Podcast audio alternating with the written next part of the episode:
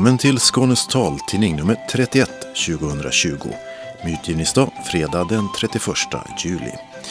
Solen den gick upp 5.12 i morse och går ner igen 21.15. I olika studior sitter Mats Sundling, Dodo Parikas och tekniker Gunilla Kracht. Och det här är innehållet. Trots kommunens nej, synskadad Landskronabo får flytta in på särskilt boende. Hur är det att vara egen företagare och ha en funktionsnedsättning? Ja, det har sina utmaningar, tycker Anna Bergholtz och Jasmin Nilsson, som nu startat ett nätverk för hjälp och pepp. Nu går det att ansöka om färdtjänst på 1177.se. Insändare. Inte upp. Så här löste jag problemet med internetbanken. Hon kan Malmö på sina fem fingrar. Månadens ansikte är författaren, förläggaren och guiden Jeanette Rosengren som lärt sig syntolka på den lokala SRF-föreningen. Öppnat och stängt med biografer och vattenpipecafé. Den kräver få ingredienser men många timmars arbete. Sommarserien Skånska hantverk kollar idag hur ett klassiskt bakverk blir till, spettkakan. Evenemangstips med allsångståg och kalkbrottsyoga. Kalendern så med atombomber och världskommunism. Anslagstavlan med en inbjudan och några ändringar i kollektivtrafiken. Och allra sist redaktionsrutan. En synskadad kvinna i Landskrona fick rätt i domstol och får flytta till särskilt boende. Den 84-åriga kvinnan tycker att hon inte längre klarar av att bo själv i sin bostad. Hon har kraftigt nedsatt syn och besväras av yrsel. Något som fått henne att falla i hemmet och nu är hon rädd att det ska hända igen. Men hennes ansökan om en plats på ett särskilt boende fick nej av först tjänstemännen och sen omsorgsnämnden i Landskrona kommun. Där menar man att hon klarar av att bo kvar i sin bostad med mera hemtjänst. Kvinnan överklagade besluten till förvaltningsrätten och påtalade bland annat att hon känner sig ensam och otrygg och att hon skulle må bättre på ett särskilt boende där hon får träffa andra. Och domstolen ger henne nu rätt. Om 84-åringen bor kvar hemma får hon inte den skäliga levnadsnivå hon har laglig rätt till. Och hennes höga ålder gör att hjälpbehovet kommer att öka. Och hon har rätt till en plats på ett särskilt boende, skriver förvaltningsrätten. Landskronas omsorgsnämnd måste nu göra en omprövning av hennes ansökan. Hur är det att vara egenföretagare och ha en funktionsnedsättning? Ja, det vet Anna Bergholtz och Jasmin Nilsson som bägge är journalister och föreläsare. Skånebördiga och blinda Anna driver podden I mörkret och Jasmin har podden Soluret. Och bägge har erfarenhet av vad man till exempel kan möta i kontakten med uppdragsgivare. Nu har de startat Unique Power Network, ett nätverk för egenföretagare i olika branscher där man hjälper, tipsar och byter erfarenheter med varandra. Det är ett eh, nätverk för och av oss som eh, har företag och normbrytande funktionalitet. Så tanken är i korthet att det här nätverket är för av oss och där vi ska kunna peppa varandra, bolla idéer och kanske samarbeta. Och varför behövs det? Jasmin Nilsson. Ja, det började ju med att eh, jag och Anna vi lärde känna varandra 2014. Under tiden så märkte vi att eh, vi liksom fann ett viktigt stöd i varandra och att vi behövde varandra också i eh, Eh, våra arbetsroller och när man kunde diskutera olika saker kring arvode och liksom vad som är okej och inte och märkte att liksom det var viktigt för, viktigt för oss att kunna bolla det med varandra. De frågorna som vi återkommer till ständigt och jämt, det är ju det här med hur viktigt det är med förebilder, för vi har ju funnit varandra som förebilder. Och det är ju både utifrån att vi har företag, men också utifrån att vi är företagare och har funktionsnedsättning själva. Och sen har vi ju känt också att vi, vi vet ju att arbetsmarknaden ser ut som den gör för personer med normbrytande funktionalitet. Och sen har vi också en känsla för att det är tuffare att eh, få uppdrag och konkurrera med alla andra egenföretagare när man har en funktionsnedsättning. Så då tänker vi också att vi behöver ju verkligen varandra. Och det är ju häftigt nu att se liksom vilka som börjar samlas i nätverket. Vi är ju, jag tror, hur många var vi nu? Ungefär 20-21 stycken va? Jasmin? Ja, någonting sånt. Och, just, just liksom hur man känner den här kraften ja. som finns liksom gemensamt och att då kunna bygga det tillsammans. Att vi själva gör det tycker jag också är väldigt viktigt därför att om det här ska utvecklas till någonting större så är det ändå på våra villkor. Ja, för ofta är det ju så tycker jag att det är liksom andra som gör för dem där med funktionsnedsättning. Mm. Och nu om, är det, det är hela tiden ja, om, om oss. Mm, och inte liksom, det, är inte, det är inte vi själva. Så att eh, nu är det vi som bestämmer och vi har ju jättemycket tankar och planer och förhoppningar med det här. Så att nu är vi bara början i alla fall. Vad är era erfarenheter själva av att vara egenföretagare och ha en funktionsnedsättning? Ehm, min erfarenhet är att det bara är positivt och ehm, jätteskönt att kunna styra över sitt arbete själv eh, och framförallt ehm, välja sina egna arbetstider utifrån sina egna förutsättningar. Och i mitt fall så har jag haft 50% sjukersättning hela tiden, även när jag var fast anställd och har fortsatt med det nu som egen företagare och tycker att eh, det, ja, det passar mig jättebra. Men jag vet att du, Anna, du har väl haft eh, lite mer sådär att eh, det här med Försäkringskassan kring, eh, vad kallas det för, arbetsstöd? Jag har ju haft eget sedan november 2004 så det är ju länge nu och jag hade väl egentligen inte tänkt att jag skulle vara egen företagare företag eller frilans från början, men eh, att ge sig in i journalistbranschen, det vet ju alla vi här, att det är ganska tufft. Eh, och när man dessutom då har en funktionsnedsättning så blir det tyvärr snäppet ännu tuffare. Så att efter att jag hade avslutat min journalistutbildning så fick jag något frilansjobb. Då tänkte jag, men jag drar väl igång ett företag och sen hade jag lite föreläsningsuppdrag Eh, och sen ha, märkte jag ju ganska fort att det här passar ju mig väldigt eh, bra för att jag har ju en reumatisk sjukdom som gör att eh, vissa dagar mår inte jag så bra så att då kan jag själv välja hur jag lägger upp mina dagar och, och jag kan också så bestämma och styra eh, liksom vilka uppdrag som funkar bra för mig och inte. Och, så sen kan man inte styra allt såklart när man är egen för att man måste ju liksom ta uppdrag också såklart. Så finns det ju också bra stöd att få när man har eget företag, eh, när man har en funktionsnedsättning. Så att jag har ju eh, personligt biträde. Eh, det kan man ju få som anställd. Det finns säkert en del som lyssnar som, som har det som anställd idag.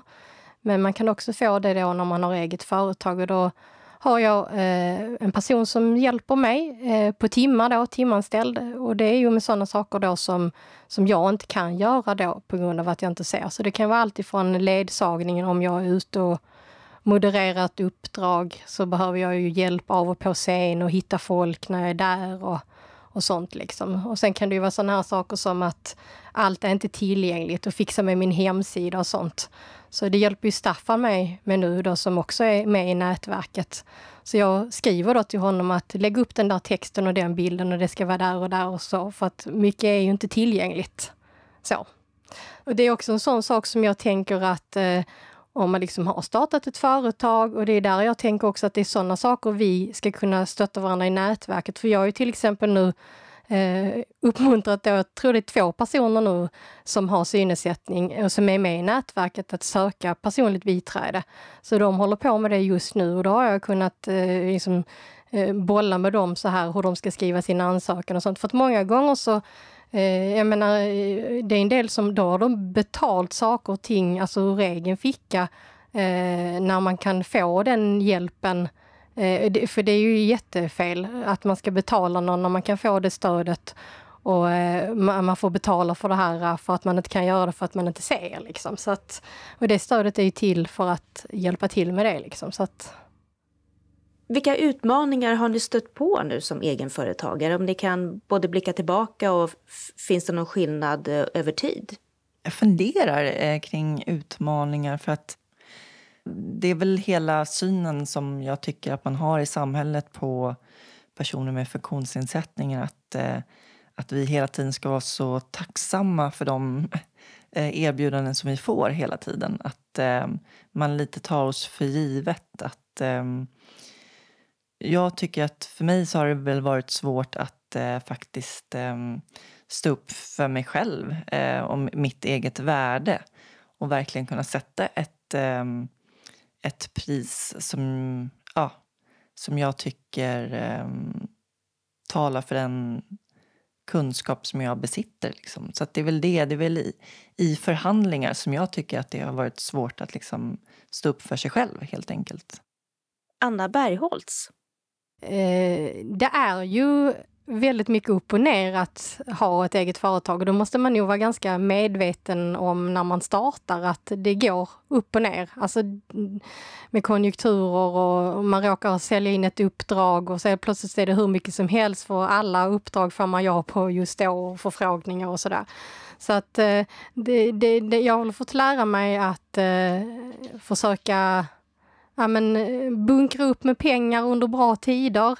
Eh, och använda de pengarna under sämre tider till min lön.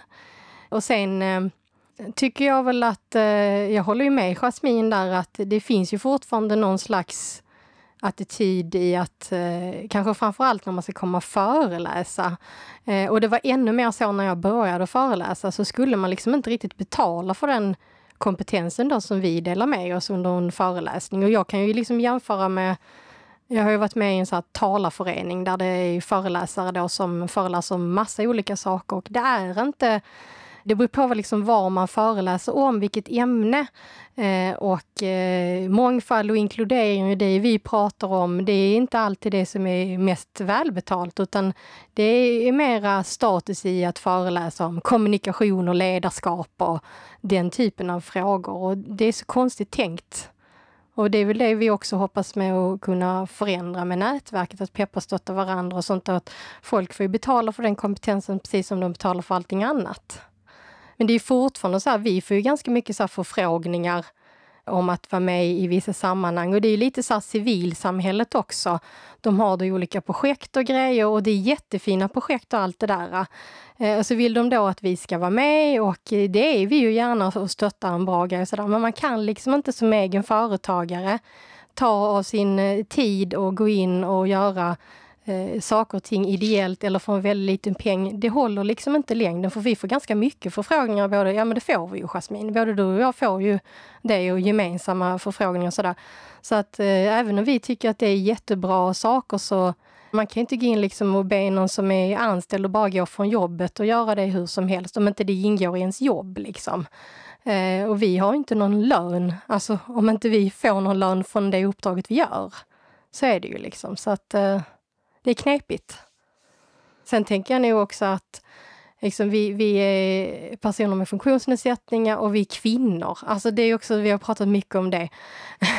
Det är en stor skillnad kan jag säga. Det, det är en stor skillnad jag har fått med de som har funktionsnedsättning och är män. Det, det har vi ju redan märkt, liksom, vi har pratat med de som har företag och sådär. Så att eh, det är fortfarande mycket mer självklart för män att ja, men, ta betalt och nej men jag tänker inte gå under det där arvodet och, och så liksom. Så att eh, så vi behöver peppa varandra. Mm. Och det är de som får den platsen många gånger också. Det är ju de här äh, som är liksom superhjältarna inom citationstecken liksom som klättrar berg och eh, har haft långa idrottskarriärer i, inom Paralympics och så vidare. Eh, det är de här liksom supermännen som oftast premieras. Det är de som anlitas. Att det ska vara så storslaget och liksom, ja, jag vet inte. Ehm. Nej, och, och, så är det ju liksom när man tittar så på föreläsarbranschen överhuvudtaget. Alltså det är ju de här äventyrarna och de som gör något extremt och så är det ju liksom även när det kommer till funktionsnedsättning. Och där känner ju vi också att det vill vi ju förändra för att jag har aldrig kunnat identifiera mig med och liksom Visst, det kan vara en inspiration till viss del, men jag är ju mycket mer inspirerad av Jasmine än vad jag är av någon som klättrar i berg och som har rullstol. Så att, och det är lite så konstigt också hur, hur eh, samhället ser ut, att det är det alltid man vill ha och det är det man betalar för. Men då undrar jag, eh, det här nätverket då som ni har, vilka företagare är det ni vänder er till? För nu är ni båda två journalister, föreläsare och håller på med podd. Ja, men det är väl alla som har, alltså vårt kriterium, vi har ju tre frågor Ehm, för att kunna bli medlem i gruppen. Och det är dels, har, lever du med någon funktionsnedsättning eller normbrytande funktionalitet? Driver du eget företagande och godkänner du våra gruppregler? Så det är ganska basic. Liksom. Det är, ja. Och det här med om man har någon variation av något slag, det kan ju inte vi bedöma utan det får personen i, i sig liksom avgöra själv om man tycker att man platsar in eller inte. Så det är inte liksom vår uppgift att, att bedöma det utan det är upp till var och en. Och nu ser det väl ut som liksom de jag känner till i nätverket nu, det är ju alltifrån då vi då som är journalister, det är någon filmare, det är någon som håller på med heminredning, det är kommunikation och ledarskap och det är eh, IT, webbutveckling. Nej men där är någon som är med som är typ massör, så det är lite allt möjligt. Hur når ni ut? Nu har vi ju börjat med en Facebookgrupp för att det var ett enkelt sätt liksom att samla oss på. Så, men sen så småningom har vi ju tänkt att vi ska se om vi kan... Nu är ju coronatider, så det är svårt att, att ses live, men vi har ju också folk som sitter i andra delar av landet så på så vis är det ju bra om man kanske kan ta en träff. I höst har vi pratat lite löst om digitalt och lära känna varandra lite, vad vi vill med nätverket och så. Så, så himla mycket mer vet vi inte i nuläget. Vi har ju också eh, vad heter det, köpt eh, domänen Unique Power, så vi har ju tänkt en hemsida framöver. Men sen har jag ju lagt ut också eh, bloggtexten då om nätverket på LinkedIn. Och där är det ju folk då som inte har liksom funktionsnedsättning eller normbrytande funktionalitet själv som också har kommenterat och tycker att det är ett jättebra initiativ. För att många som jobbar i alla fall med mångfaldsfrågor vet ju hur stort problem det är när det gäller arbetsmarknadsfrågan och, och så. Så att eh, det har inte gjorts någonting sånt här tidigare vad vi vet.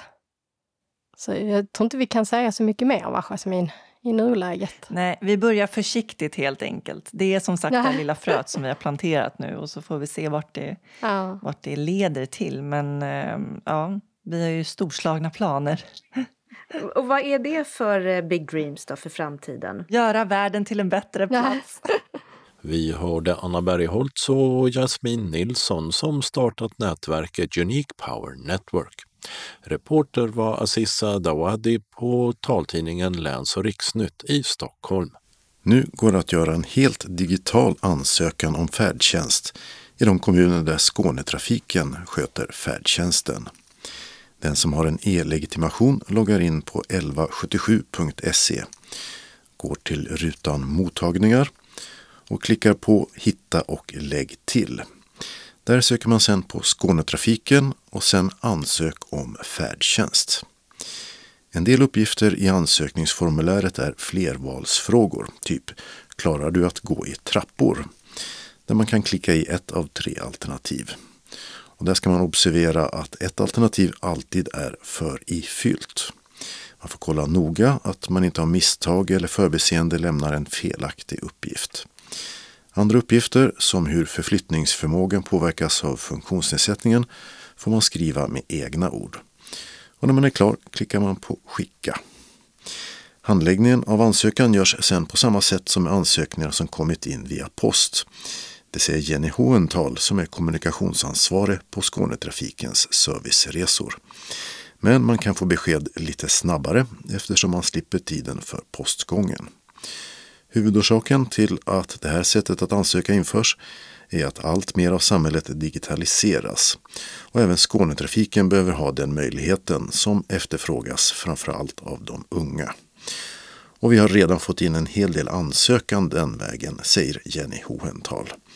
Men fortfarande går det naturligtvis att ringa och skicka ansökningar per post, försäkrar hon.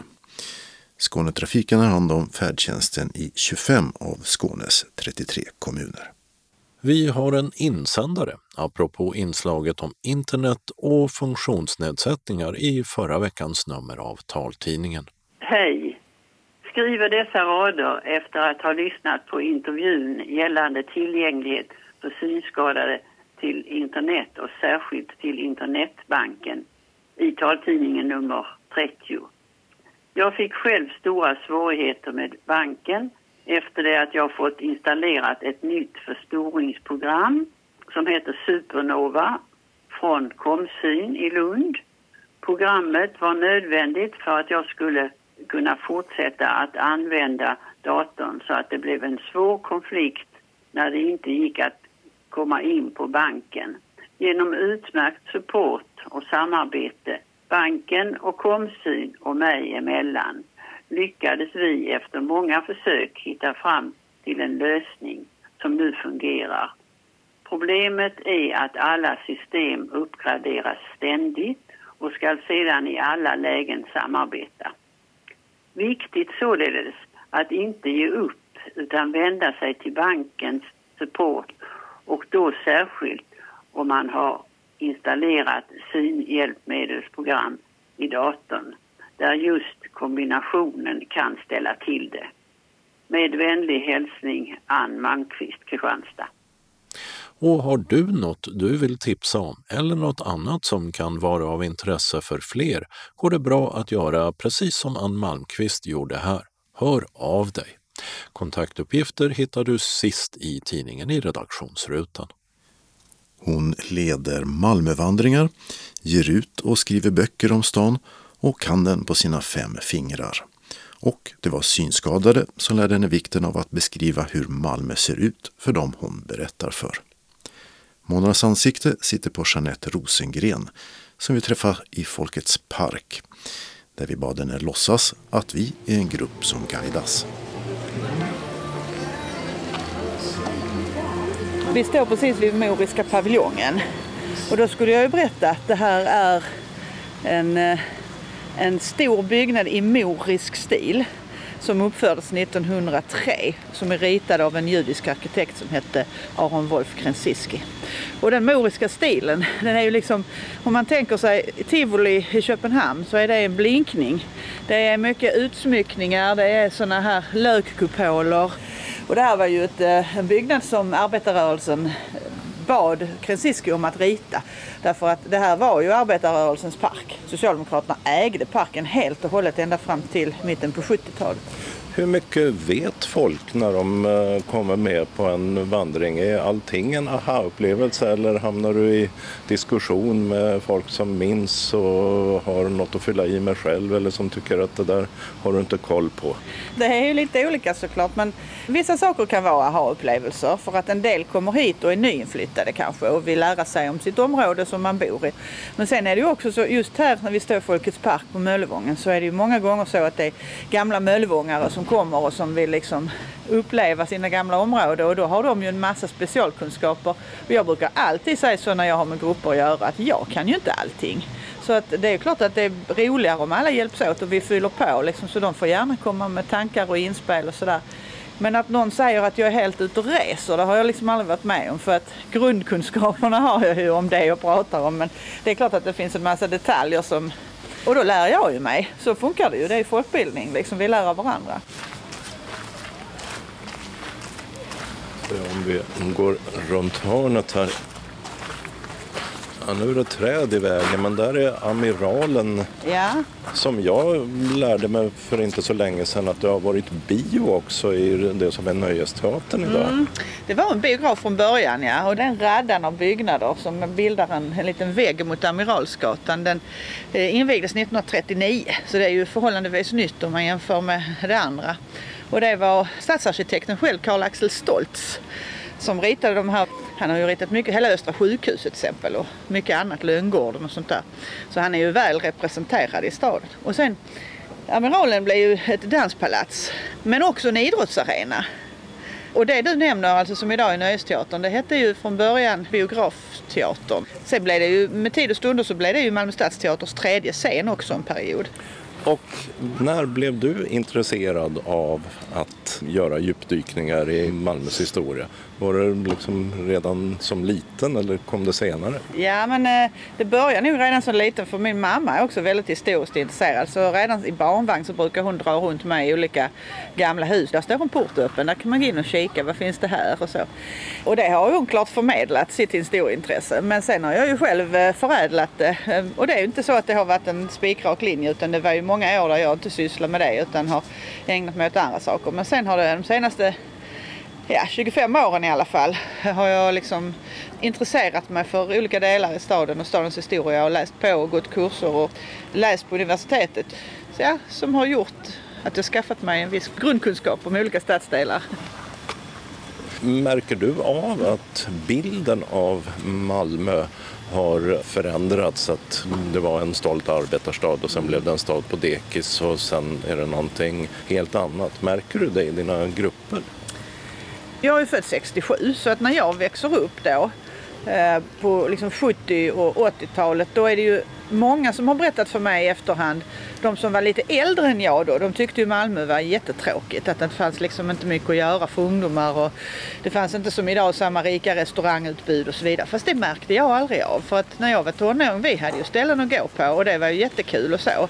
Men sen, du använde ordet på dekis. Jag vet inte om jag skulle säga så men det fanns vissa årtionden när det inte hände så mycket. När det var, om man tittar rent arkitektoniskt, det fanns ju stora bombhål i staden här på, där det inte byggdes någonting, där det var parkeringsplatser och sådär. Alltså bombhål menar jag ju inte i bokstavlig mening. Rivna hus alltså. Och, och, och stadsdelar som förslummades och som revs bort. Karli till exempel och Lugnet och så. Men om jag nu ska snirkla mig tillbaka till frågan så tycker jag nog att jag märker i grupperna jag går runt med idag att många, många är glada och stolta över att det händer så oerhört mycket i Malmö. Och speciellt här om man går här. Jag gick här i Folkets park med en grupp för bara två veckor sedan kanske och de, det var lite äldre personer som inte hade varit här på länge. Och de var ju väldigt förbluffade och sa att här händer ju hur mycket som helst. Och det var en, en solig dag och det var mycket barnfamiljer som var här och det hände en massa saker. Och då får vi ju tänka att vi ändå har en pandemi här nu så att det ordinarie programmet är ju såklart inte igång. Men att man märker att det här, den här parken som ju faktiskt var lite ruffig och skruttig på 70, slutet på 70-talet och sådär man diskuterar vad man skulle göra med den har ju idag ett, ett uppsving som är helt enormt. Var är, vilket är ditt eh, Malmö? Var är du född någonstans? Eh, de första sju åren så växte jag upp på Edvard Lindahlsgatan. Det ligger precis vid Kronprinsen kan man säga. Eh, så gifte min mamma sig så flyttade vi till Söderkulla som ligger, vad ska vi säga, en bit ifrån Eriksfält som är ett sånt där 60-talsområde. Höghus och låghus om vartannat. Det är inte miljonprogram men det ser nästan ut som det. Och sen bodde jag där till jag var 17 år. Då flyttade jag till Möllevången. Och sen har jag bott på Möllevången sen dess på, på olika gator. Ja, där har vi Turning Torso framför oss. Knappt Ja. igenkännlig. Ja, det är en eh, minigolfbana där man har eh, varje hål, varje bana är en av stadens eh, karaktäristiska byggnader. Det finns, slottet finns med och Turning Torso och en massa andra landmärken var ordet jag letade efter. 100 minus 94. 20 minus 11. Hör ljudbilden till Malmö? Alltså nu hur det låter här. Ja, men hur var det nu? Var det inte en reklambyrå som hade fått i uppdrag att ta fram Malmöljud? Jag vet inte vilka ljud som är i Malmö. Jag tror det är så här. Det är det här samfällda jublet när Malmö FF gör mål. Det är en Malmöljud. Det, det finns ju såklart på andra arenor i andra städer, men inte så som i Malmö.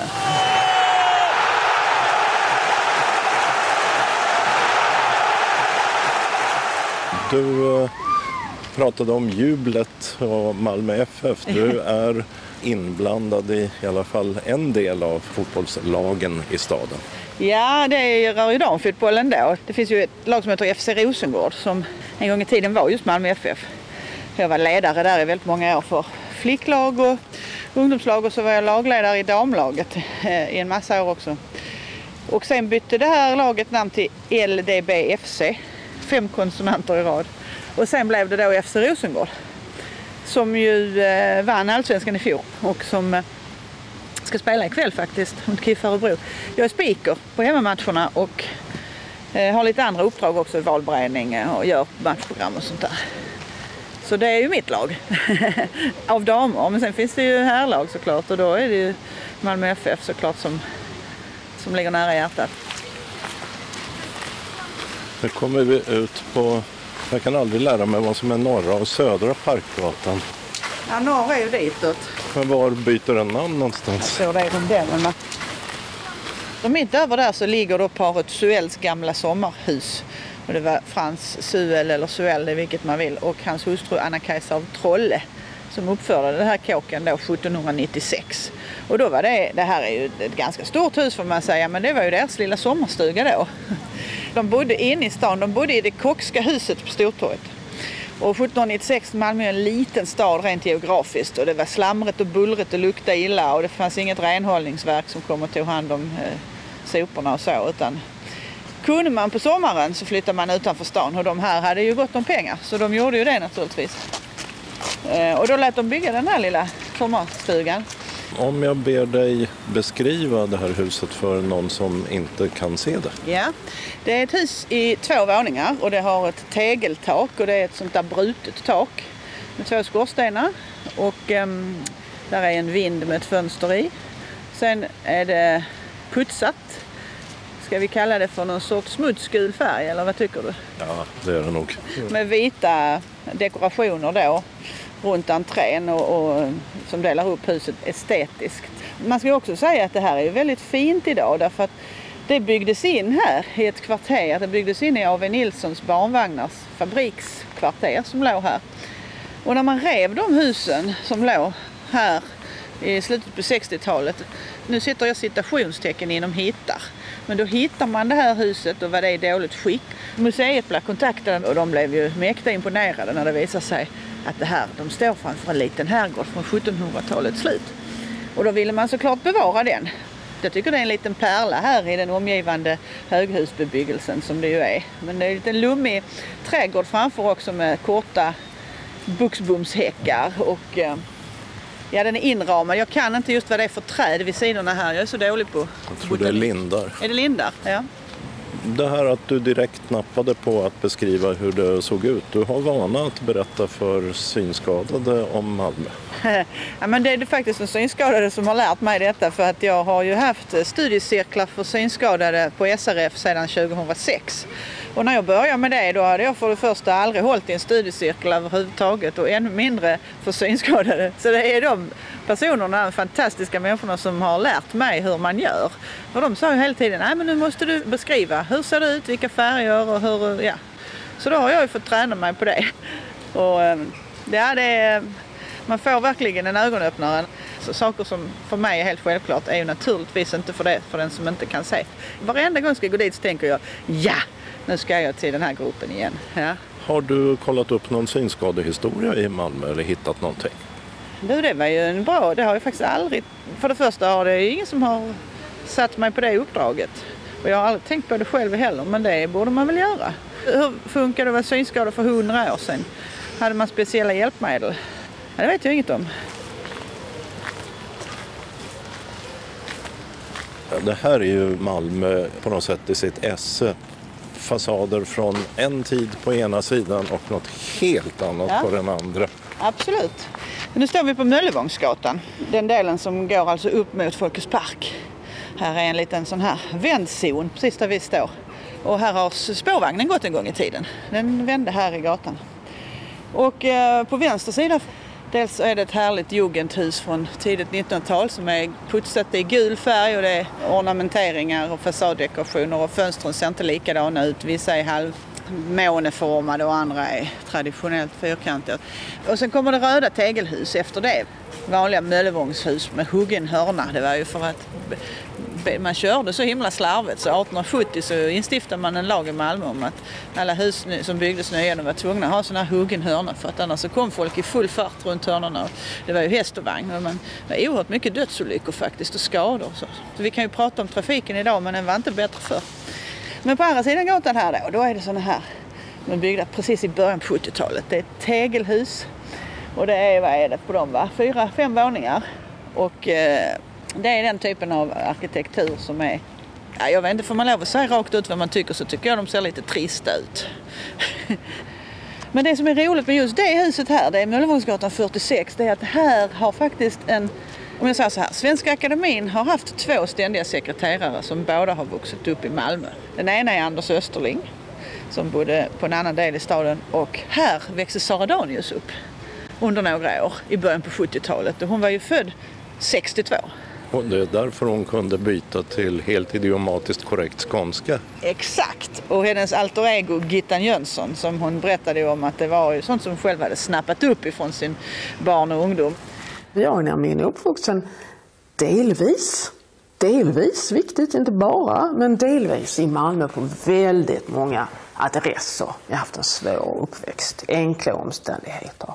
Men jag har kommit långt. Hon gick ju här borta på friskolan så hon måste ju ha gått ut här och haft den vägen som vi har gått nu längs med Parkgatan. Den har ju gått när hon har gått i skolan, tänker jag. Nu har du beskrivit hus. Då ska jag be dig beskriva dig själv för det är ju det som ingår i månadens ansikte. Ja, okej. Okay. Ja, jag är då eh, 164 cm lång enligt passet. Lite för många trivselkilo.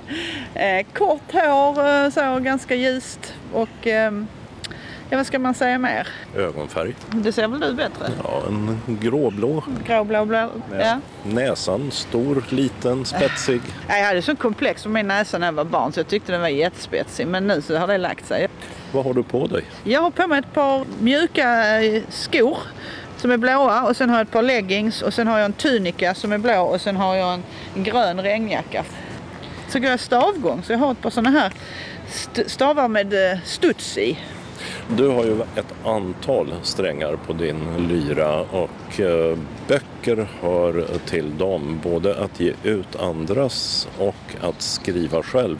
Och vi skulle ha träffats vid gamla kyrkogården vid Gustav Adolfs torg därför att eh, det, du har skrivit en Ja, om folk minns hur tjocka telefonkatalogerna var så är den... nej, det var någon som sa en gång den är som en gravsten. Man ska inte ligga och läsa den i sängen för tappar man den så dör man. Men i alla fall, nej men det stämmer. Jag och en fotograf som heter Ursula Stridner, vi bestämde oss för, ingen hade nämligen gjort detta. Då gick vi igenom alla Malmös 18 begravningsplatser. 19 om man räknar djurens och skaffade oss kunskap och information om det. Och ofta hade vi ju hjälp av människor som var experter. Du vet, det finns ju alltid. Så hade vi hjälp av alla dessa kunniga människor så till slut så blev det en bok om stadens begravningsplatser. Och det infattar ju också den judiska till exempel. Och på Östra kyrkogården finns det också muslimska avdelningar och ortodoxa. Vi har alla religionerna samlade i Malmö.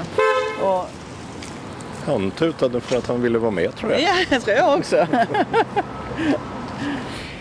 Jag ger ut böcker som eh, på något sätt handlar om Malmö, Skåne inom ramen för kulturhistoria. Skulle jag nog vilja sammanfatta det. Jag startade Kira förlag som det heter. Det är döpt efter min, eh, min hund som inte finns med. Något ska det heta.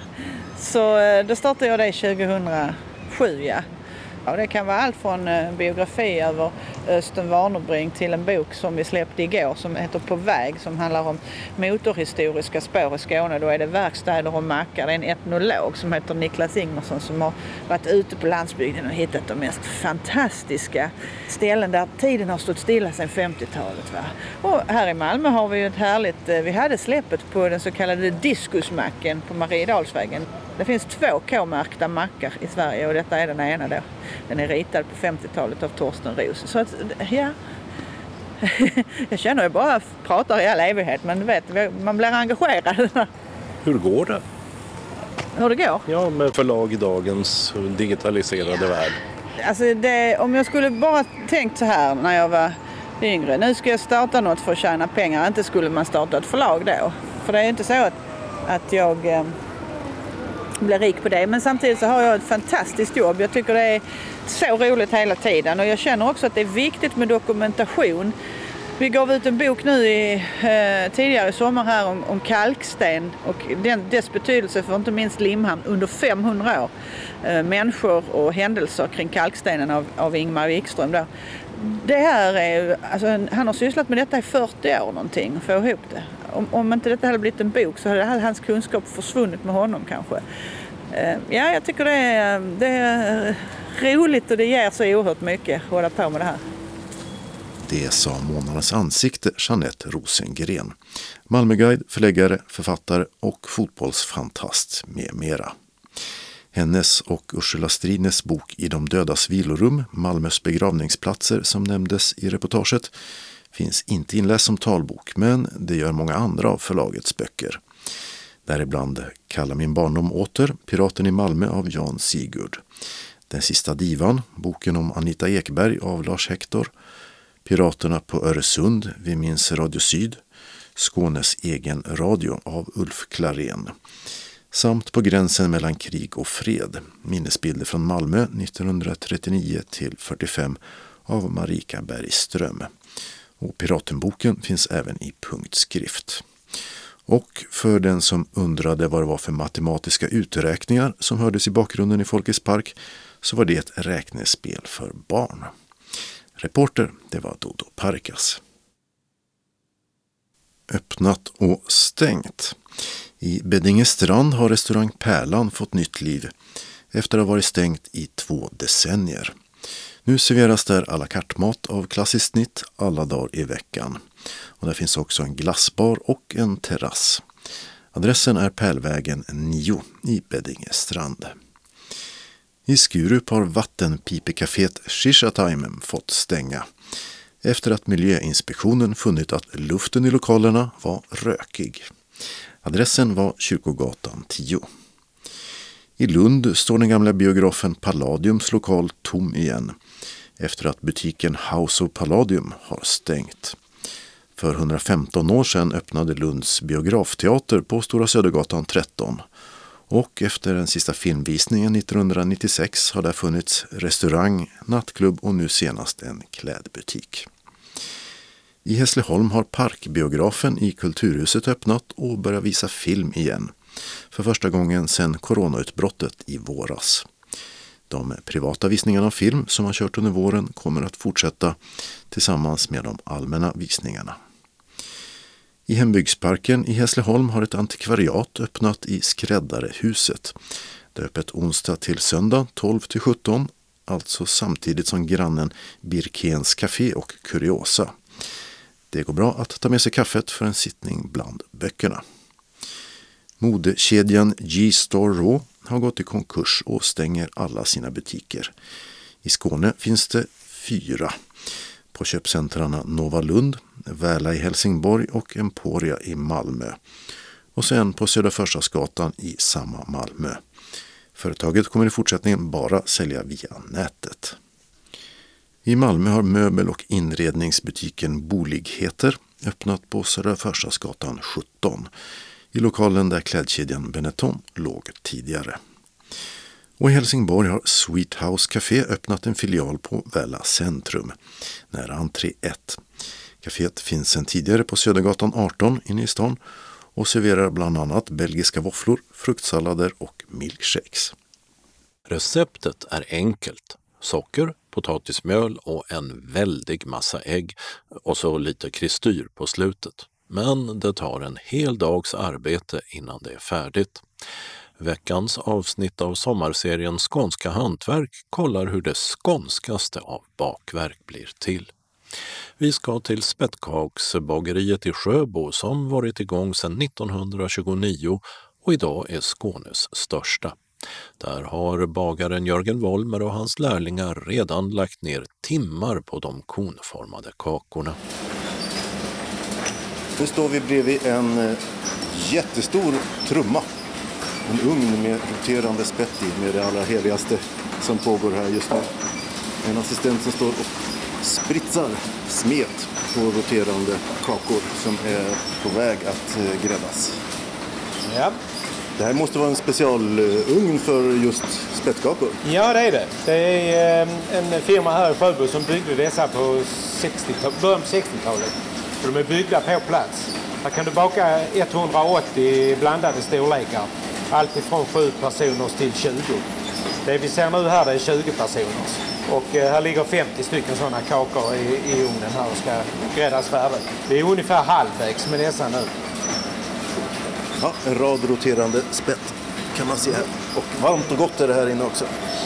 kommer lärlingen Linnea Jajamän. med en ny tub med smet som hon spritsar Ja. över.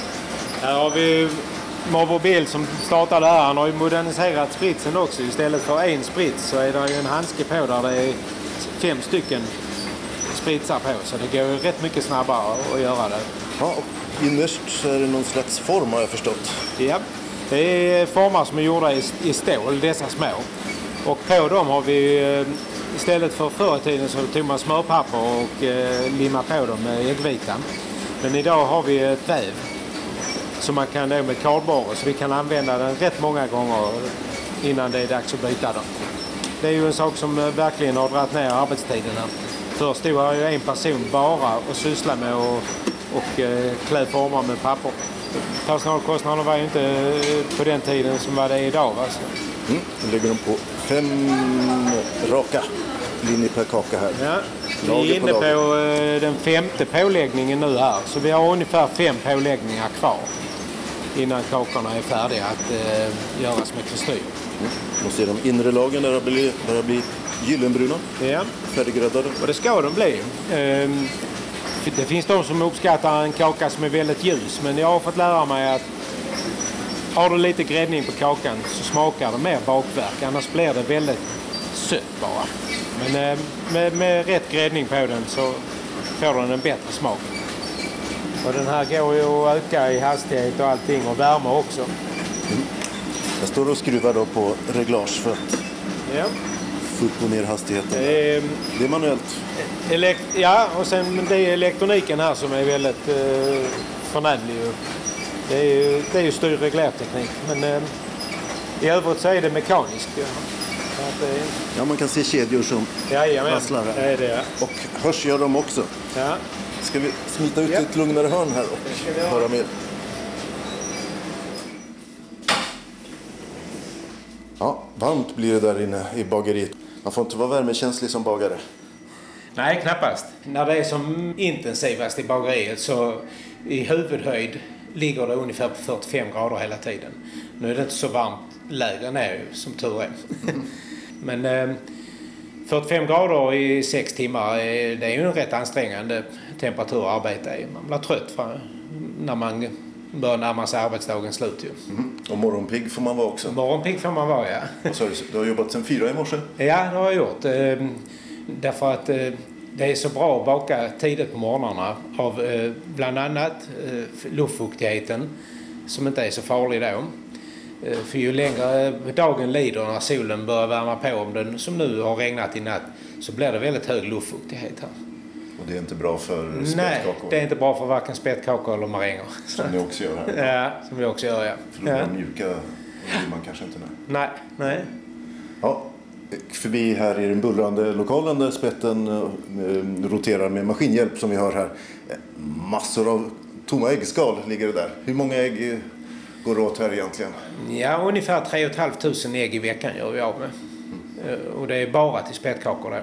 Det Så är många, många ägg att knäcka. Ja, det är det. det är, men det är, det är ett angenämt problem. Och det är ju jätteskoj idag att eh, spetkakan har fått så mycket uppmärksamhet. För att eh, eh, på de snart 10 åren vi har varit här så var vi nästan 20 bagerier kvar här i Skåne.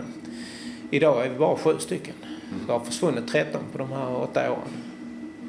Tyvärr.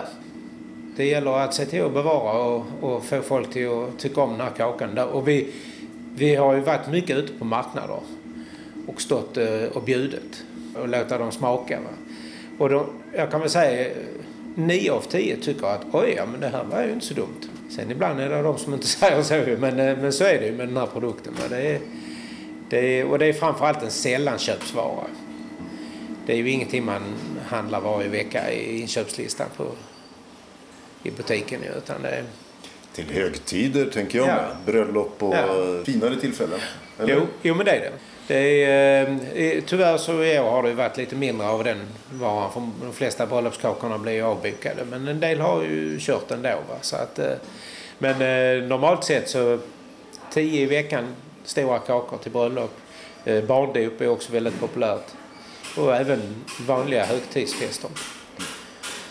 När mormor, morfar, farmor och farfar hade en fest så det säger nästan alla man pratar med. Ja men det hade alltid mormor på sin födelsedagsfest och så vidare. Att det är därför som jag punkterade det där med att komma ut och, och marknadsföra sig till den yngre generationen. Ja, kakan är ju gammal. Det är en gammal tradition och skånsk, till och med äkta skånsk spettkaka heter det som en skyddad geografisk eh, ursprungsbeteckning. Ja. Alltså en fin stämpel som eh, unika varor får i Europa. Mm. Roquefortostar och Ja. champagne och vad det kan vara. Jajamän, det är det. Och det, man får ju leva upp till, till det för att få, få använda sig av den loggan också. Bland annat, den måste vara bakad i Skåne. Det går inte att bageriet ligger uppe i Småland till exempel. Utan den måste vara bakad här. Den måste vara gjord på skånska råvaror. och så. Det äggen är ju eh, jätteviktiga. Att inte det, äggen är för feta. Alltså, det, det är ju, det mesta fettet sitter ju i gulan ju. Utan man får vara noga med att välja var man köper äggen ifrån. Mm. Vad gör ett bra spettkaksägg? Det gör ju framförallt att den får eh, en angenämare smak. Eh, Är det för mycket fett i, fett är ju smakbärare, så kan eh, spettkakan få en, en annorlunda smak. Och som jag inte tycker är behaglig. Utan eh, därför är det väldigt viktigt att, eh, att välja en bra producent på äggen. Där. Eh, vi fortsätter med innehållet då. Socker i stora mängder och så potatismjöl. Varför inte vitt mjöl? Ja, eh, socker, ägg, kakan består av eh, 50% av ägg och 25 socker och 25 potatismjöl. Ungefär. Ehm, vi har våra olika recept, vi som är kvar och håller på och bakar. Där. Men ehm, eh, potatismjölet av eh, två orsaker. Dels att eh, kakan blir ju spröd eh, Vilket är ju en förutsättning tycker jag. Eh, Sen om man vill ha den mjuk, ja det är bara att låta den stå ute i, utanför påsen en timme eller två så mjuknar den om man vill det. Men eh, jag tycker om den är eh, spröd och, och, krispig när man äter den. Ja. Men kakan, den är inte skånsk från början. Nej. Om vi backar tillbaka ännu Den längre. är eh, ungefär en 300 år tillbaka så den kommer från eh, norra Tyskland eh, i huvudsak. Men även eh, uppåt Baltikum. Eh, Polen finns den fortfarande kvar i. Tyskarna har ju någonting fortfarande som heter barnkorren men den, är- den är inte så snarlik. Då är den polska mycket närmare. Men eh, så stor som den är här i Skåne är den inte i någon av de länderna.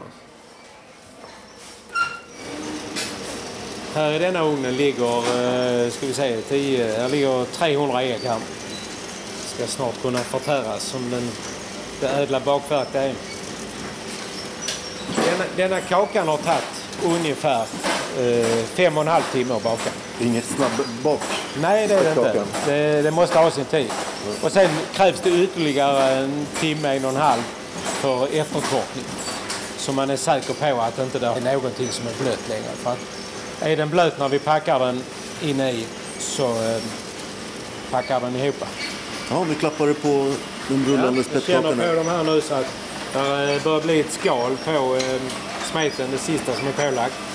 Och då innebär det att det är bara en liten stund till så börjar de få färg. Och då måste vi lägga på nästa lager. Så att eh, det börjar strax bli dags att eh, lägga eh, zigzag på, läggningen. Här är raka mönster som hon har lagt här. Varför man växlar om så det är för att kakan ska få en, en bärighet. Hur många lager blir det? De? Cirka 11 lager. Beroende på hur tjock man spritsar. Det är ju hantverk, det är ingen maskin som gör det. Det går inte att gå ifrån och lämna den. Det går så fort till eh, att den blir för mörk. Så att, och då är många timmars arbete förspillt. Det är rätt arbetsintensivt Ja, det är det. bakande det här.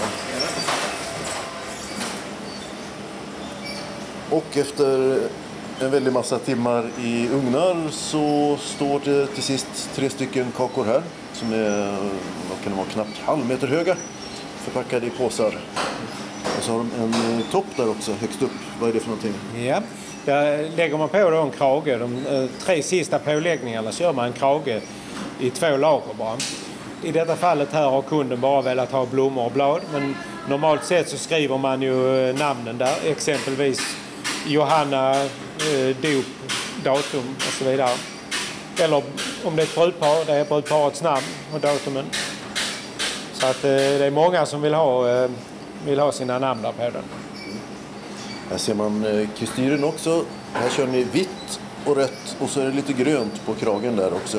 Det är lite olika beroende på var man eh, bakar kakan. Ja, men det är det. Färger och sånt. Ja. Lite längre ut på Österlen har de bara vitt i kristyren på. Och här är det då vitt med lite rödrosa. Och sen kan det variera. eh, Lite grönt har några, men inte så grönt som du ser där utan men väldigt svagt. Ju. Så att det, det, det varierar lite från, eh, från eh, vilken ort den kommer ifrån. Är det kul att baka spettkakor då? Jo, men det tycker jag. För att eh, man kan ju tycka kanske att det är ett monotont arbete och det är det till viss del. Men varenda gång jag sätter igång på morgonen och bakar en kaka så har jag liksom en målsättning att eh, idag ska jag få den perfekta kakan. Det finns olika skolor. En del föredrar de torra, andra mjuka. Har du några serveringstips kanske? Ja, det har jag verkligen. Bortsett från att det är alldeles utmärkt att eh, äta en spettkakbit till en kopp kaffe så eh, är det faktiskt många som uppskattar den till ett, eh, ett glas Madeira. Eh, lite sött vin till. Det är inte alls dumt. Men det absolut bästa det är eh, att äta den ihop med glass, lite chokladsås man ringar på och färska bär. Det är det absolut bästa jag kan tänka mig sa Jörgen Wollmer på Spettkaksbageriet i Sjöbo, ett av de sju som idag alltså finns kvar i Skåne. Och som vi måste tillägga fortfarande har Guinness-rekordet för världens största spettkaka. 3 meter och 85 centimeter hög var den och nådde nästan upp till taket på Malmömässan där den ställdes ut 1985. Reporter var Mats Sundling. Evenemangstips. Årets Helsingborg Pride äger rum idag, fredagen den 31 juli och imorgon, lördagen den 1 augusti. I år är programmet helt digitalt och paraden består av förinspelade så kallade vykort från deltagare som läggs upp på nätet. Idag klockan 17 blir det ett panelsamtal med artisten Marika Karlsson. 18.00 så poesiuppläsning med den dansk-marockanska poeten Elias Sadak. 18.30 föreläser Stella Scott under rubriken Lost Icons om tre kvinnoälskande kvinnor ur historien.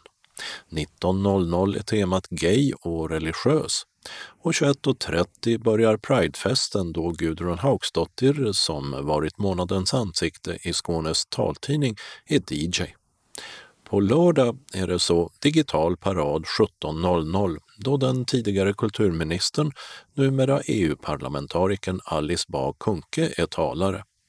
Stockholm Pride är kanske ett strå vassare där och har kronprinsessan Victoria som invigningstalare. Och 19.15 sänds en livekonsert från Helsingborgs arena med The Mamas. Alla programpunkter laddas upp på hemsidan helsingborgpride.se, alltså Helsingborg Pride, eller Facebook-sidan Helsingborg Pride. I Löddeköpinge anordnar Vikingatider guidade promenader för seniorer. Temat är natur och historiska inslag i kulturlandskapet. Guidar, det gör arkeologer. Tillgängligheten är enligt arrangören god och bänkar finns ut med gångstråket. Efter promenaden bjuds deltagarna på fika i gillehallen Löddetofta. Tisdagen den 4 augusti mellan 13 och 15.30 är närmaste tillfälle och sedan återkommer promenaderna varje tisdag samma tid till och med 22 september. Samling sker på Ådalsvägen 18 i Löddeköpinge. Föranmälan måste göras på telefon 046 70 62 10 eller e-post info vikingatider.se. Pris 60 kronor, men det är gratis för medlemmar i SPF Seniorerna eller PRO. Sommarsagor vid Sagoträdet är högläsning för barnfamiljer i Lund. Varje onsdagsmorgon klockan 10 kommer en bibliotekarie till Sagoträdet som står i parken bakom Lunds stadsbibliotek och läser ur någon av sina favoritböcker. Och det är förstås böcker som passar för just barnfamiljer. Ta gärna med egen filt att sitta på. Vid dåligt väder så ställs högläsningsstunden in. Närmaste högläsning blir 5 augusti klockan 10.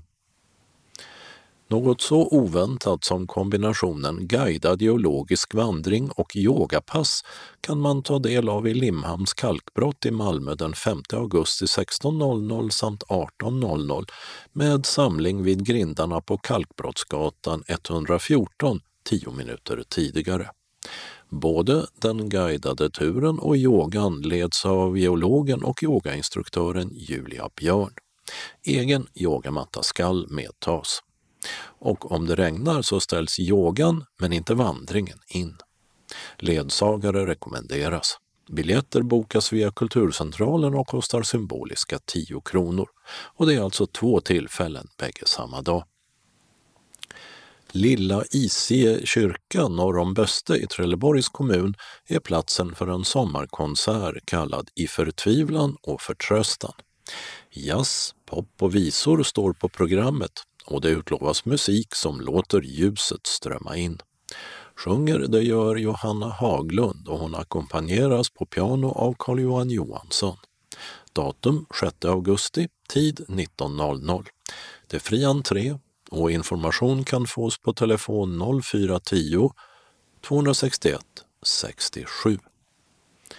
På Malmö museer på Slottsholmen visas utställningen Speaking Memories, Förintelsens sista vittnen, den 6 augusti mellan 13 och 14. 15 till 16 ges samma visning på engelska. Utställningen berättar om de som var där, de med personliga minnen och erfarenheter från Förintelsen, de som överlevde. Entrébiljett till museet kostar 40 kronor och kan endast betalas med kort. Museet nås via telefon 040 34 44.00.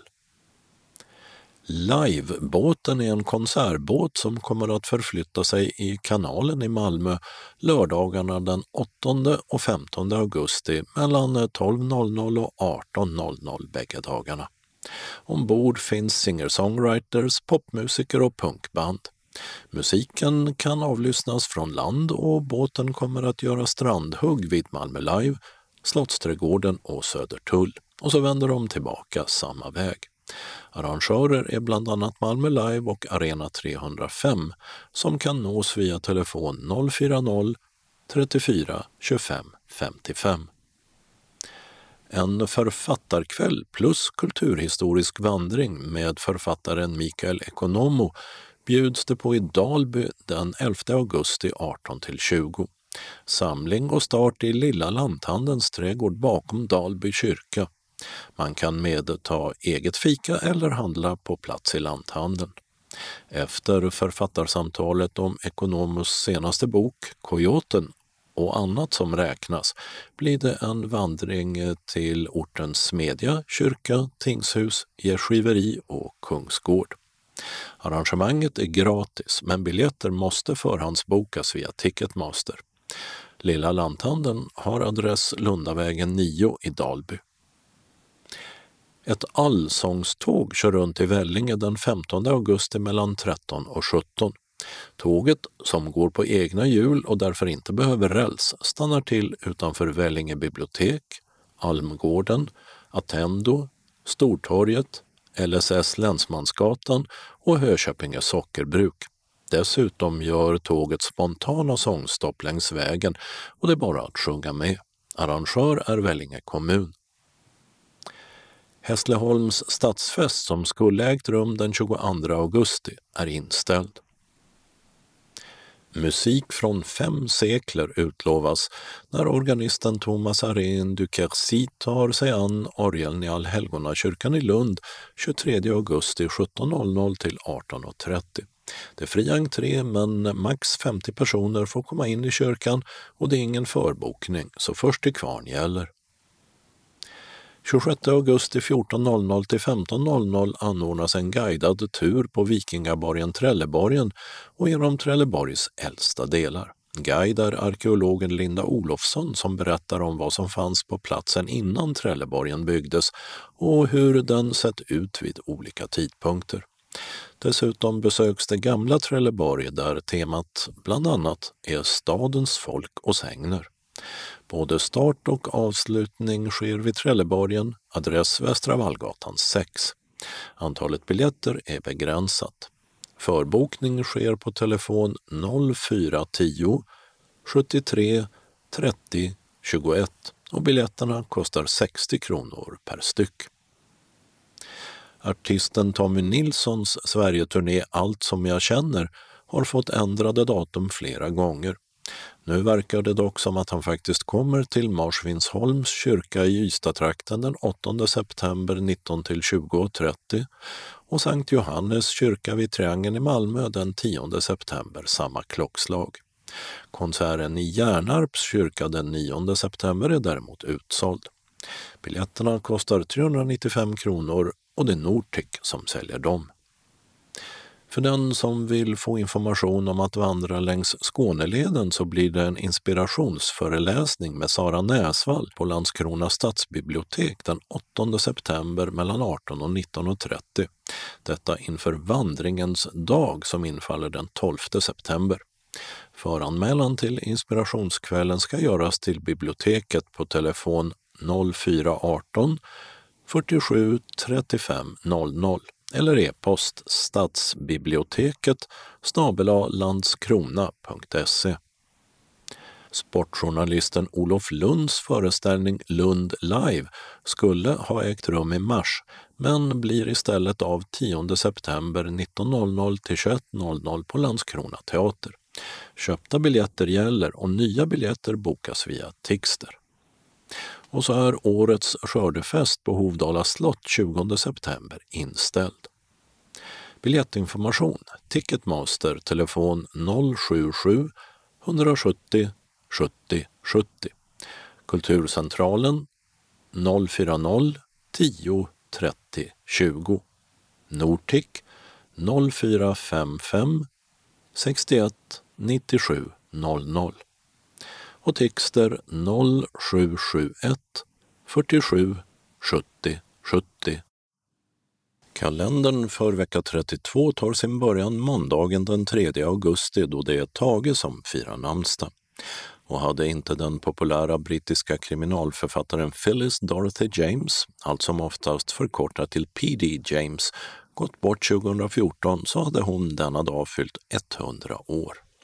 James mesta huvudperson var kriminalpolisen Adam Dalgleish. 80 år fyller den amerikanske skådespelaren Martin Sheen som mellan 1999 och 2006 spelade USAs president i den populära tv-serien Vita huset, eller West Wing som den hette i original. Till hans tidiga filmer hör Moment 22 från 1970 efter Joseph Hellers roman. Bland mycket annat så har Shin dessutom även gett röst till datorspelsfigurer. Och i Paris pågick för 120 år sedan 1900 års sommarolympiad och just denna dag stod skytte med levande duvor som mål på programmet. Tisdagen den 4 augusti har Arne samt Arnold namnsdag. 55 år fyller Moderaternas tidigare partiledare Fredrik Reinfeldt, en av upphovspersonerna till det borgerliga allianssamarbetet samt lanseringen av begreppet de nya moderaterna. 45 år fyller Dramatenskådespelaren Rebecca Hemse. Som 19-åring slog hon igenom stort i huvudrollen i pjäsen Lulu på dåvarande Malmö Dramatiska Teater. Och Rebecka Hemse har även läst in en rad ljudböcker. Onsdagen den 5 augusti är det Ulrik och Alrik som kan fira namnsdag. För 110 år sedan föddes författaren, poeten, recensenten och ledamoten av Svenska Akademin, Erik Lindegren. Och i Svenska Akademin efterträdde han FNs generalsekreterare Dag Hammarskjöld som dog i en flygkrasch 1961. Och så blir den amerikanske thrillerförfattaren David Baldacci 60 år. Han finns rikt representerad i talbokssammanhang. Torsdagen den 6 augusti infaller Hiroshima-dagen. För 75 år sedan pågår andra världskriget ännu och USA fäller en atombomb över den japanska staden Hiroshima, vilket är första gången som atombomben används i krigföring. 78 000 människor avlider genast upp till 40 000 dagarna efter bombningen vars syfte var att tvinga Japan till den kapitulation som kom först efter ännu en atombomb, denna gång över Nagasaki. Bolivia firar nationaldag till minne av självständigheten från Spanien som ägde rum för 195 år sedan. Landet bar fram till dess namnet Övre Peru. För 110 år sedan ägde Sveriges första riksspelmansstämma rum och det skedde på Skansen i Stockholm. Och det är Alfons samt Ines namnsdag. Fredagen den 7 augusti är namnsdag för de som heter Dennis och Denise. För hundra år sedan avslutades Kommunistinternationalens andra kongress i Ryssland. Lenin drog då upp riktlinjerna för världskommunismens spridande under Sovjets ledning. Sovjetryssland hade precis slagit ner ett försök att bilda ett självständigt Ukraina och de var nära att göra detsamma med den nya staten Polen. Målet var att återupprätta Tsarrysslands gränser och se till att revolutionen i Tyskland lyckades för vidare export världen över. Men polackerna lyckades besegra Röda armén och Polen finns kvar än idag, om än inte inom samma gränser som då. Och detta datum 1980 så mullrade det åter i Polen i och med att den första strejken bland många bland varvsarbetarna i Gdansk startade under ledning av Lech Wałęsa. Detta var starten till fackföreningsrörelsen Solidaritet som så småningom ledde till fria val i landet. 60 år fyller FBI-agenten Fox Mulder, eller snarare skådespelaren David Duchovny som spelade honom i tv-serien Arkiv X. Och enligt Wikipedia så kan Duchovny bland flera andra språk även tala latin. Lördagen den 8 augusti är Sylvias och Silvias namnsdag, vilket är allmän flaggdag eftersom det är drottningens namnsdag. Detta datum 1945 gav sig Sovjet in i kriget mot Japan och bidrog därmed till den japanska kapitulationen i andra världskrigets slutskede. Och söndagen den 9 augusti är det 75 år sedan USA fällde en atombomb även över den japanska staden Nagasaki. En bombning som ledde till uppemot 80 000 invånares död. Några dagar senare gav också Japan upp. 65 år fyller den tidigare centerledaren Maud Olofsson som varit vice statsminister och näringsminister. Olofssons memoarer Jag är den jag är finns som talbok och i punktskrift. Det är Roland som har namnsdag och om han är norrman så heter han Roland. Evenemangs och kalenderredaktör var Dodo Parikas. Anslagstavlan innehåller idag en lokal inbjudan och några ändringar i kollektivtrafiken. SRF Malmö bjuder först in till kräftskiva. Augusti igen och då ska vi såklart ha vår populära kräftskiva på föreningen. Vi träffas fredag den 21 augusti klockan 18 för att knäcka en klo eller två. Det serveras också räkor för er som föredrar det. Efter kräftorna äter vi paj med sallad. Som medlem i SRF Malmö Svedala bjuder föreningen på maten. Men om du vill ha något att dricka så finns det till självkostnadspris. Du kan välja att betala dryckerna på plats kontant eller att swisha till föreningen på numret 123 077 8050. Minsta belopp som kan swishas är 50 kronor. Om du swishar så meddelar kansliet hur mycket du swishat och vad det avser. På grund av den rådande situationen är antalet platser begränsat till max 35 personer. Du anmäler dig tidigast på måndag den 3 augusti klockan 9 och senast den 17 augusti. Anmälan sker till kansliet på telefon 040 25 05 40 eller via e-post till info srfmalmo.se. Hjärtligt välkomna önskar styrelsen. Vi avslutar med att berätta om ett antal ändringar i kollektivtrafiken. Sommartid är ju som bekant vägarbetstid. Och resetid, så vi börjar med att konstatera att det första charterflyget sedan pandemiutbrottets början i helgen gick från Sturups flygplats. Flyget gick till Mallorca och resebolaget planerar att köra ett plan i veckan. I Ängelholm fortsätter man vägarbeta på Klippanvägen och i veckan stängdes delen mellan korsningarna med Kungsgårdsleden och Kristian IIs väg för trafik. Regionbusslinjerna 507, 510 och 511 hållplatser Kungsgårdsleden, Bruksgatan och Rönnehallen är stängda. Med hänvisning till hållplatserna Stortorget och Hammargatan. En tillfällig stolpe finns också på den korsande Transportgatan. Och stadsbuss 1 hållplats Verkstadsgatan läge A är stängd med en tillfällig hållplats på Verkstadsgatan öster om korsningen med Lagergatan som ersättning. Och så ska det vara ända till den 13 november. Och på måndag den 3 augusti börjar flera vägarbeten. På Dalbyvägen i Lund ska man asfaltera om, vilket från klockan sju stänger hållplatsen Jupitergatan A. Resande med stadsbuss linje 3 och regionbussarna 155, 161 och 162 hänvisas till hållplatsen Stampelyckan A som ligger några hundra meter västerut. Resande med regionbussarna 103, 160, 170, 171 och Skåneexpressen 5 hänvisas till ett tillfälligt hållplatsläge C som upprättas på Tornavägen norr om korsningen med Dalbyvägen. Den 14 augusti klockan 16 ska det arbetet vara klart. I Malmö startar ett vägarbete på Sallerupsvägen i riktning österut från Värnhemstorget samma måndag. Och det betyder att regionbussarna 142, 148, 174 och 175 liksom stadshus 8 får ta en omväg. Hållplatserna Älstorp, Katrinelund, Kungsliljan, Håkanstorp, Kyrkogården och Ulrisedal, alla läge A, stängs. För åttans buss ersätts Ulricedal av en tillfällig hållplats på Västra Skrävlingevägen och Älstorp av en stolpe vid polisen på Sallerupsvägen.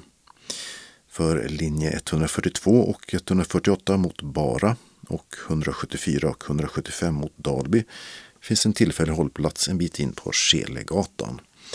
Den 18 augusti klockan 16 ska de vanliga hållplatserna fungera igen. I Bunkeflostrand ska man samtidigt bygga om hållplatser på Gottorpsvägen.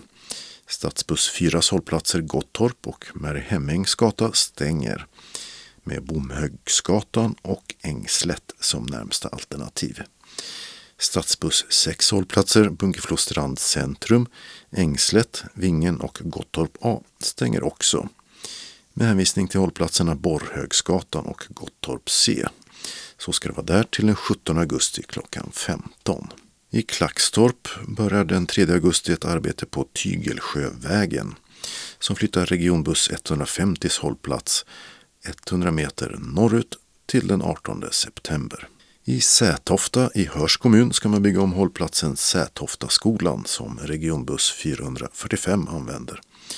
Från klockan 7 på morgonen den 3 augusti flyttas läge A cirka 50 meter framåt i körriktningen och läge B cirka 50 meter bakåt. Och så ska det vara där till den 28 augusti klockan 16. I Eslöv börjar samma måndag ett arbete på Sallerupsvägen som stadsbuss 2 brukar åka på. Hållplatsen Kyrkogården stängs med Hundramannavägen som närmsta alternativ. Och Mossavägen ersätts av Medborgarhuset eller Sturegatan. Först på nyårsaftons kväll den 31 december ska bussen stanna på sina vanliga hållplatser igen. I Helsingborg stänger den 3 augusti klockan sju där också en del av Regementsvägen. Stadsbuss 7 hållplatser Rökullagatan, Skvadrongatan och Maxi stängs i båda riktningar. Resenärerna hänvisas till hållplatserna Annerovägen och Larmvägen till den 7 augusti klockan 16. Och slutligen i Svedala ska man asfaltera om Nils Fredrikssonsgatan vilket från den 5 augusti klockan 7 får regionbussarna 141, 153 och 165 att ta en annan väg. Hållplatserna Långgatan och Floragatan stängs då med hänvisning till tillfälliga stolpar på Bökebergsgatan utanför mormors bageri. Den som åker med 141 mot Malmö kan också använda hållplatsen Stortorget. Och så ska det vara där till den 13 augusti klockan 5. Och där var det dags att sätta punkt för veckans Skånes taltidning. Nästa nummer kommer nästa fredag då det hunnit bli den 7 augusti. Skånes taltidning ges ut av Region Skånes psykiatri och habiliteringsförvaltning. Ansvarig utgivare är Martin Holmström. Postadress Jörgen Ankersgatan 12, 211 45 Malmö. Telefon 040-673 0970. E-post Skanes taltidning snabela skane.se och hemsida skanestaltidning.se. Vi hörs igen. Hej då!